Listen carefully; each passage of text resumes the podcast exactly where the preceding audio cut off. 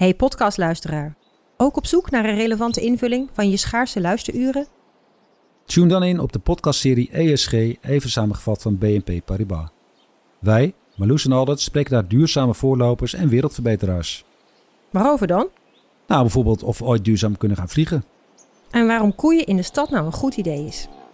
Dat en meer elke twee weken in een nieuwe aflevering. Dus abonneer je. ESG, even samengevat. Ik ben al jaren ondernemer, maar waar moet ik eigenlijk allemaal aan denken nu ik voor het eerst personeel wil aannemen, voor het eerst ga importeren of voor het eerst een bedrijfslocatie zoek? Weet wat je wel of niet moet doen bij zaken die je voor het eerst oppakt. Check kvk.nl voor praktische stappenplannen. KVK, hou vast voor ondernemers.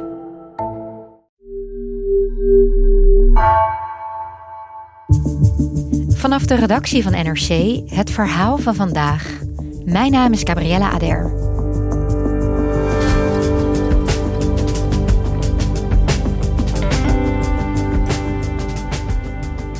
Vandaag begint de 28e klimaattop in Dubai. Wereldleiders maken de balans op. Doen we genoeg tegen de klimaatverandering en wie betaalt de rekening hiervan? Politiek redacteur Marike Stellinga ziet dat in rijke landen, waaronder Nederland, klimaatbeleid vaker op verzet stuit. Arme landen vinden juist dat rijke landen meer moeten doen. Hoe komen ze hieruit?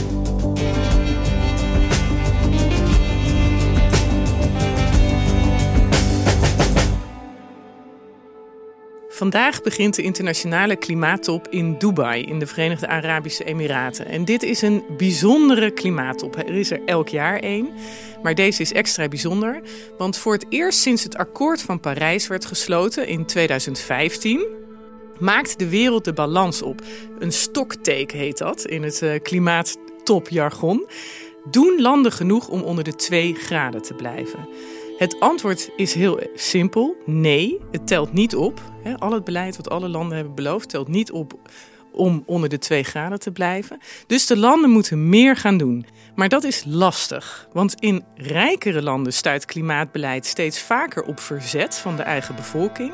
En in armere landen klinkt de klacht: die rijke landen zijn toch hartstikke hypocriet. Ze wijzen naar ons met het vingertje, maar zelf doen ze ook van alles niet wat ze wel zouden moeten doen. Dat zet deze top, waar nieuwe afspraken, nieuwe beloftes zouden moeten worden gemaakt, onder spanning. En daarom wordt het ook heel spannend of er überhaupt nieuwe afspraken uit kunnen komen.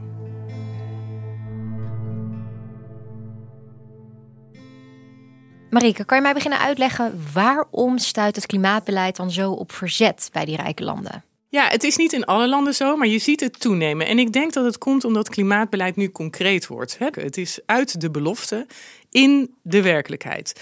Dus er komen belastingen op je energierekening. Het fossiele brandstoffen autorijden wordt duurder. Ehm, Misschien moet je wel een warmtepomp nemen van je regering als je je cv-ketel gaat vervangen. Dus mensen gaan het beleid aan de lijve ondervinden. En dat zorgt voor weerstand. En dat zorgt ook weer voor een reactie bij regeringen, bijvoorbeeld in het Verenigd Koninkrijk, waar uh, premier Sunak zei laatst: Nou, het mag wel een tandje minder snel met dat klimaatbeleid.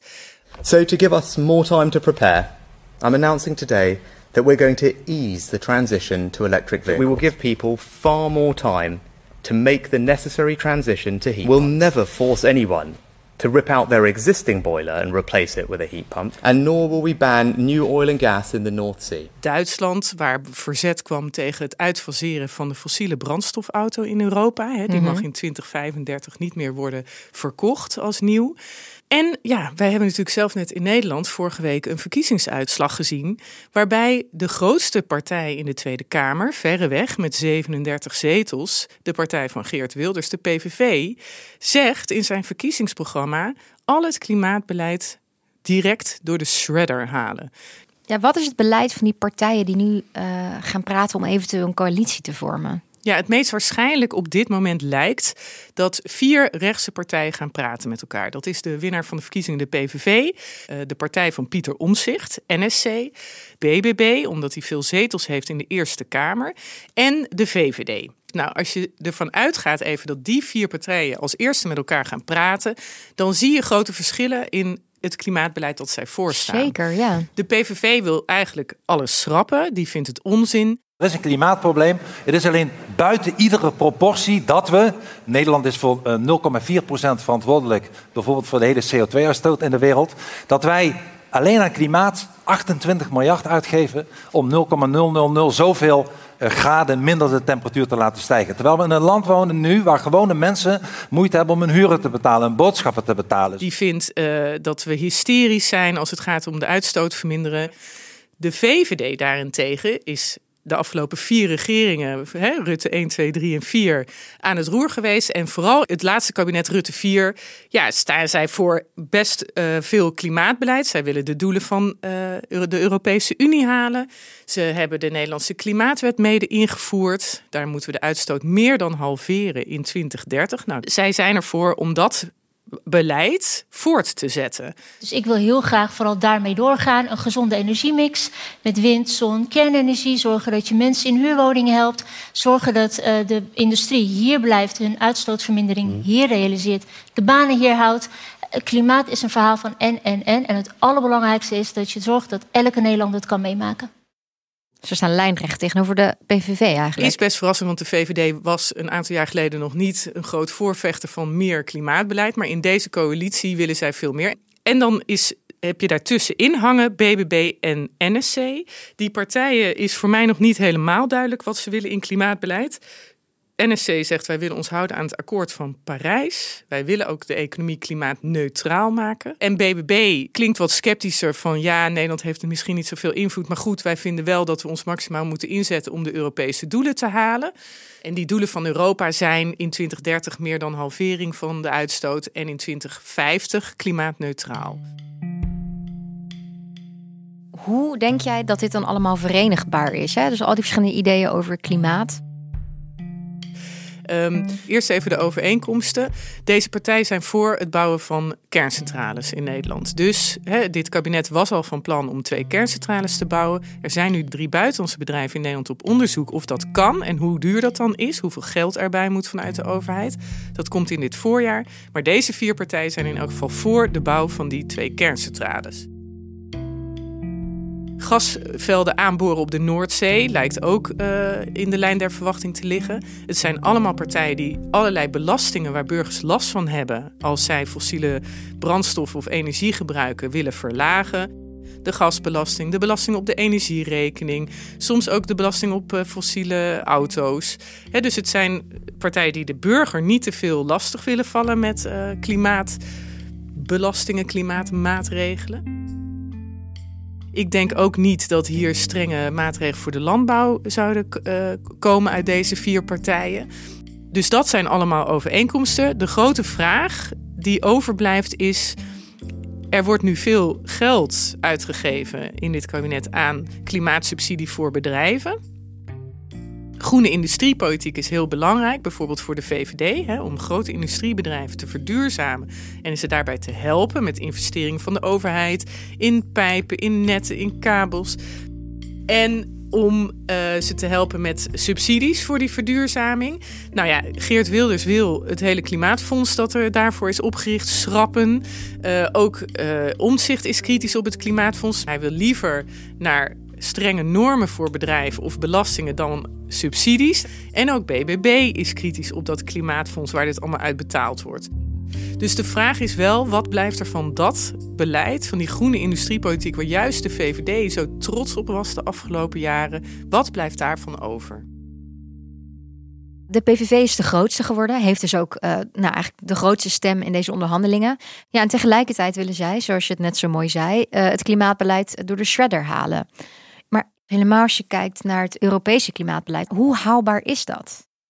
Nou, niet op de korte termijn. Kijk, de PVV wil eigenlijk stoppen met al het klimaatbeleid. Maar wij zijn onderdeel van de Europese Unie. De Europese Unie voert een van de meest verregaande vormen van klimaatbeleid in de wereld. En daar hebben wij ons gewoon aan te houden. En om één voorbeeld te noemen grote industriebedrijven in Europa en energiebedrijven vallen onder het Europese emissiehandelssysteem. Simpel uitgelegd betekent dat dat alle uitstoot van die bedrijven onder een plafond valt. Meer mag het niet zijn. En dat plafond daalt langzaam naar nul in 2040. Dan mogen die bedrijven dus vrijwel geen broeikasgassen meer uitstoten.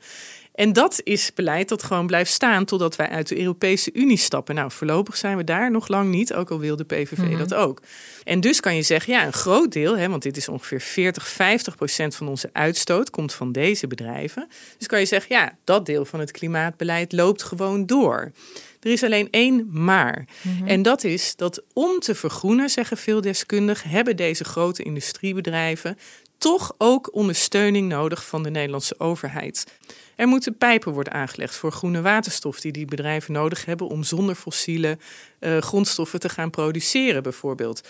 Er moet een eh, aftakking van een zwaarder elektriciteitsnet worden gemaakt naar een industrieterrein, omdat ze anders niet hun productieproces kunnen elektrificeren, wat nu nog met fossiele brandstoffen gaat. Zo is er allerlei randvoorwaardelijk beleid dat de Nederlandse overheid tot nu toe wilde voeren.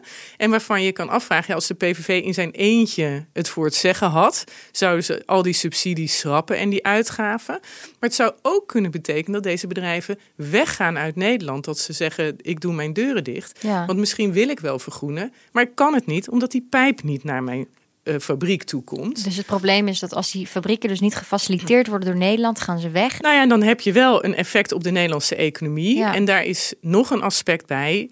Landen om ons heen, Duitsland, de Verenigde Staten, delen eigenlijk best wel veel subsidies uit aan deze bedrijven.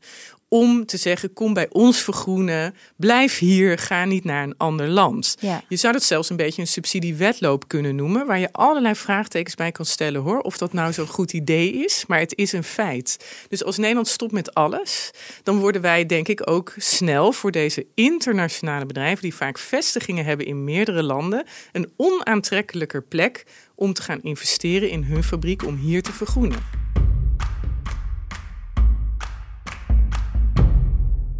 Dus als ik jou zo hoor, dan eh, is het duidelijk dat in ieder geval de rijkere landen, zoals Nederland, ehm, nu op veel verzet eh, stuiten om te, te verduurzamen, hè, om dat klimaatbeleid vol te houden.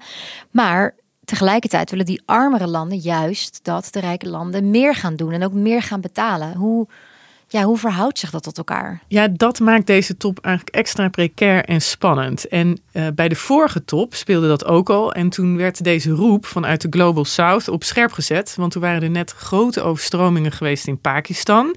En op die klimaattop was de minister-president van Pakistan, eh Shehbaz Sharif, die daar een emotionele speech gaf. Waarin hij zegt, ja... Wij stoten eigenlijk bijna niks uit. En dit overkomt ons zomaar, hè? deze gevolgen van klimaatverandering. And this all happened despite our very low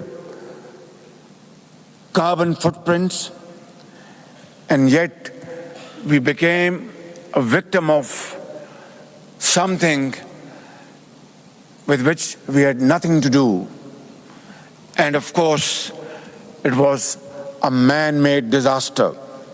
Kijk, die armere landen in de wereld zeggen: jullie in het rijke Westen vaak, hè, eh, Noorden wordt het ook wel genoemd in deze onderhandelingen, zijn eigenlijk rijk geworden op de rug van al die uitstoot die nu in de lucht zit en zich opstapelt. Die gaat niet weg. Wij hebben nog last van de uitstoot die jullie hebben veroorzaakt en waar jullie zoveel rijker van zijn geworden. Dus wij krijgen nu de gevolgen, maar eigenlijk als wij naar jullie luisteren, krijgen we niet meer de kans om ook die fossiele brandstoffen te gebruiken om rijker te worden. Ja. Want wij zouden minder moeten uitstoten van jullie. Oké, dus wij hebben het niet veroorzaakt, zegt het, eh, de Global South, heet dat dan zo mooi in de onderhandelingen. De armere landen. Wij hebben het niet veroorzaakt. Wij krijgen wel de rekening. En nu moeten wij van jullie ook nog hè, daar wat tegen gaan doen en daar extra geld aan uitgeven. Terwijl wij het al niet breed hebben. Ja, Ja. het is een eh, ongelijkheid, een driedubbele ongelijkheid, las ik laatst in een rapport, waar zij ehm, ontstemd over zijn en waardoor zij zeggen: Rijk Noorden, jullie moeten ons helpen met onze strijd tegen klimaatverandering. En wij willen eigenlijk ehm, geld voor de schade de loss en damage die jullie veroorzaakt hebben met jullie historische verantwoordelijkheid dat jullie zoveel CO2 al hebben uitgestoten. Want heb je cijfers paraat van hoeveel die rijke landen precies uitstoten? Ten opzichte van die armere landen. Is dat... Ja, daar zijn, uh, ik las een mooi rapport van uh, de Adviesraad Internationale Vraagstukken, die dit, deze kwestie voor het Nederlandse ministerie op een rijtje had gezet. Die had het dus over die driedubbele ongelijkheid. En die noemde bijvoorbeeld een paar uh, cijfers. De rijkste 10% van de wereldbevolking is volgens die AIV verantwoordelijk voor bijna 50% van de uitstoot, maar ondervindt slechts 3% van de schade. Oh, dat is echt heel oneerlijk, ja. Terwijl de armste 50% van de wereldbevolking verantwoordelijk is voor 12% van de huidige uitstoot en krijgt 75% van die schade. Nou, dan kan je allemaal, dat zijn moeilijke berekeningen, hè, maar het is even voor een indicatie, zoals zij het op een rijtje zetten. Nou, en um, er zijn ook natuurlijk rijke mensen in India. Hè, dat, daar moet je ook natuurlijk altijd rekening mee houden. Maar je kan grofweg die uh, indeling wel maken.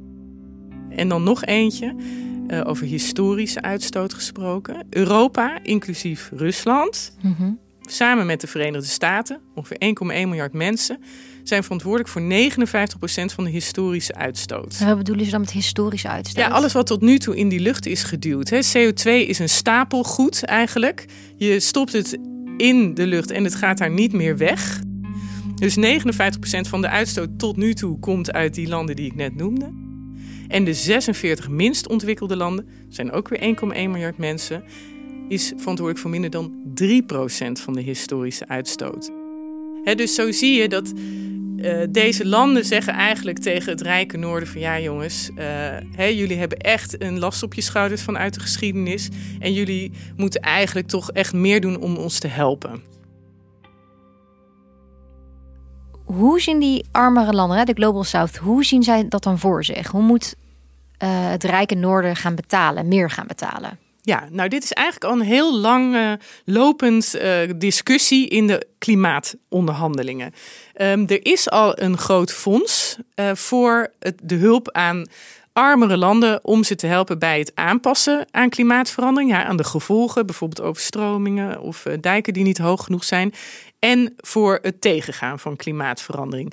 Dat fonds, daar zou 100 miljard euro per jaar uh, in moeten zitten. Ja, ik zet het even tussen aanhalingstekens, want het is niet echt een fonds waar al die landen iets instorten en gaat er iets uit. Het is meer, je geeft als land aan andere landen bijvoorbeeld ontwikkelingshulp. Een deel daarvan gaat naar klimaatverandering tegengaan. En dan dien je vervolgens je boekhouding in van nou, dit is wat wij geven in het kader van dit fonds. Nou, dat tellen ze dan allemaal op. Over dat fonds zijn gesprekken gaande dat het bedrag hoger moet worden. Okay. Omdat de kosten toenemen voor deze landen. Ja. Dat is één. Dan hebben we het tweede fonds. En dat fonds is, staat dus totaal nog in de kinderschoenen. Is pas sinds vorig jaar sprake van. En dat fonds gaat over de schade die deze landen ondervinden. De, het Loss and Damage Fund heet dat. We heard the calls and we responded. Today, here in Sharm el-Sheikh, we established the first ever dedicated fund for loss and damage. We are proud of our contribution to the creation of this fund that will serve the interest of those most in need of support. Want wat is dat dan voor fonds? Ja, dat moet uh, die landen eigenlijk compenseren voor de schade en het verlies aan economische groei, maar ook voor de schade die zij gaan ondervinden van de klimaatverandering. En dat is waarschijnlijk met name die Global South landen. Ja, zeker. Nee, het gaat puur om de armere landen. Dus het is echt een betaling van de rijke landen aan de armere landen. Nou ja, dat fonds is omstreden. De Europese Unie heeft nu net bij monden van Wopke Hoekstra, een oude bekende natuurlijk van ons, die inmiddels uh, eurocommissaris is, die gaat onderhandelen op deze top. Hij heeft aangekondigd dat Europa wel ervoor is om loss and damage geld te geven. Uh, de Amerikanen zijn daar zeer tegen. Uh, en waarschijnlijk omdat ze toch vrezen een soort aansprakelijkheidseffect te creëren. He, het gevoel is van ja, als wij erkennen dat we schuld hebben, dan zou je ook ons kunnen aanklagen. Oh, op die manier. Wellicht. Hè? Dus dat, uh, het ligt ook politiek daar heel uh, gevoelig. Ik heb hier ook wel in discussies in de Tweede Kamer gemerkt dat er bij rechtse partijen niet. Ja, het, het ligt heel gevoelig om kennelijk te zeggen: wij hebben hier inderdaad schuld aan of wij hebben schade veroorzaakt. Maar wat verwacht je dan van die uh, top in Dubai? Gaan ze daar dan uitkomen? Ja, dat is echt de grote vraag. En eigenlijk moet je dan in de krochten van de honderden diplomaten zitten die daar rondlopen. Ik denk dat het ongelooflijk moeilijk wordt om daar uit te komen. Uh, het zou wel heel belangrijk zijn voor de voortgang van het klimaatbeleid dat er toch van beide kanten ja, een gebaar kan komen. En eigenlijk toch vooral vanuit het rijke noorden. Dat zij A, meer beloven. Hè, dat ze meer beloftes gaan doen van ja, we halen die twee graden niet die we in Parijs hebben afgesproken. Dus er moet meer beleid komen. En aan de andere kant dat ze ook een gebaar maken naar het zuiden. Om uh, het zuiden dus van overtuigen dat het semenus is met het geld dat daarvoor um, wordt gereserveerd. En als dat er niet in zit, wordt het wel echt ingewikkeld, denk ik. Ja, nou, het duurt twee weken, heb ik begrepen, deze top. Dus uh, we gaan zien wat eruit komt. Ja, ik ben heel benieuwd. Dankjewel, Marieke. Graag gedaan.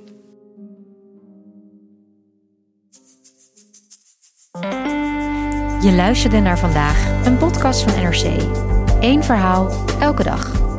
Deze aflevering werd gemaakt door Ruben Pest en Stef Visjager.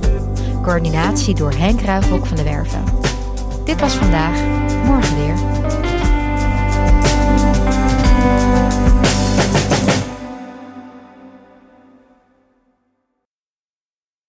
Technologie lijkt tegenwoordig het antwoord op iedere uitdaging. Bij PwC zien we dit anders. Als we de potentie van technologie willen benutten, kunnen we niet zonder een menselijk perspectief. Human-led, tech-powered noemen we dat. Ga naar pwc.nl.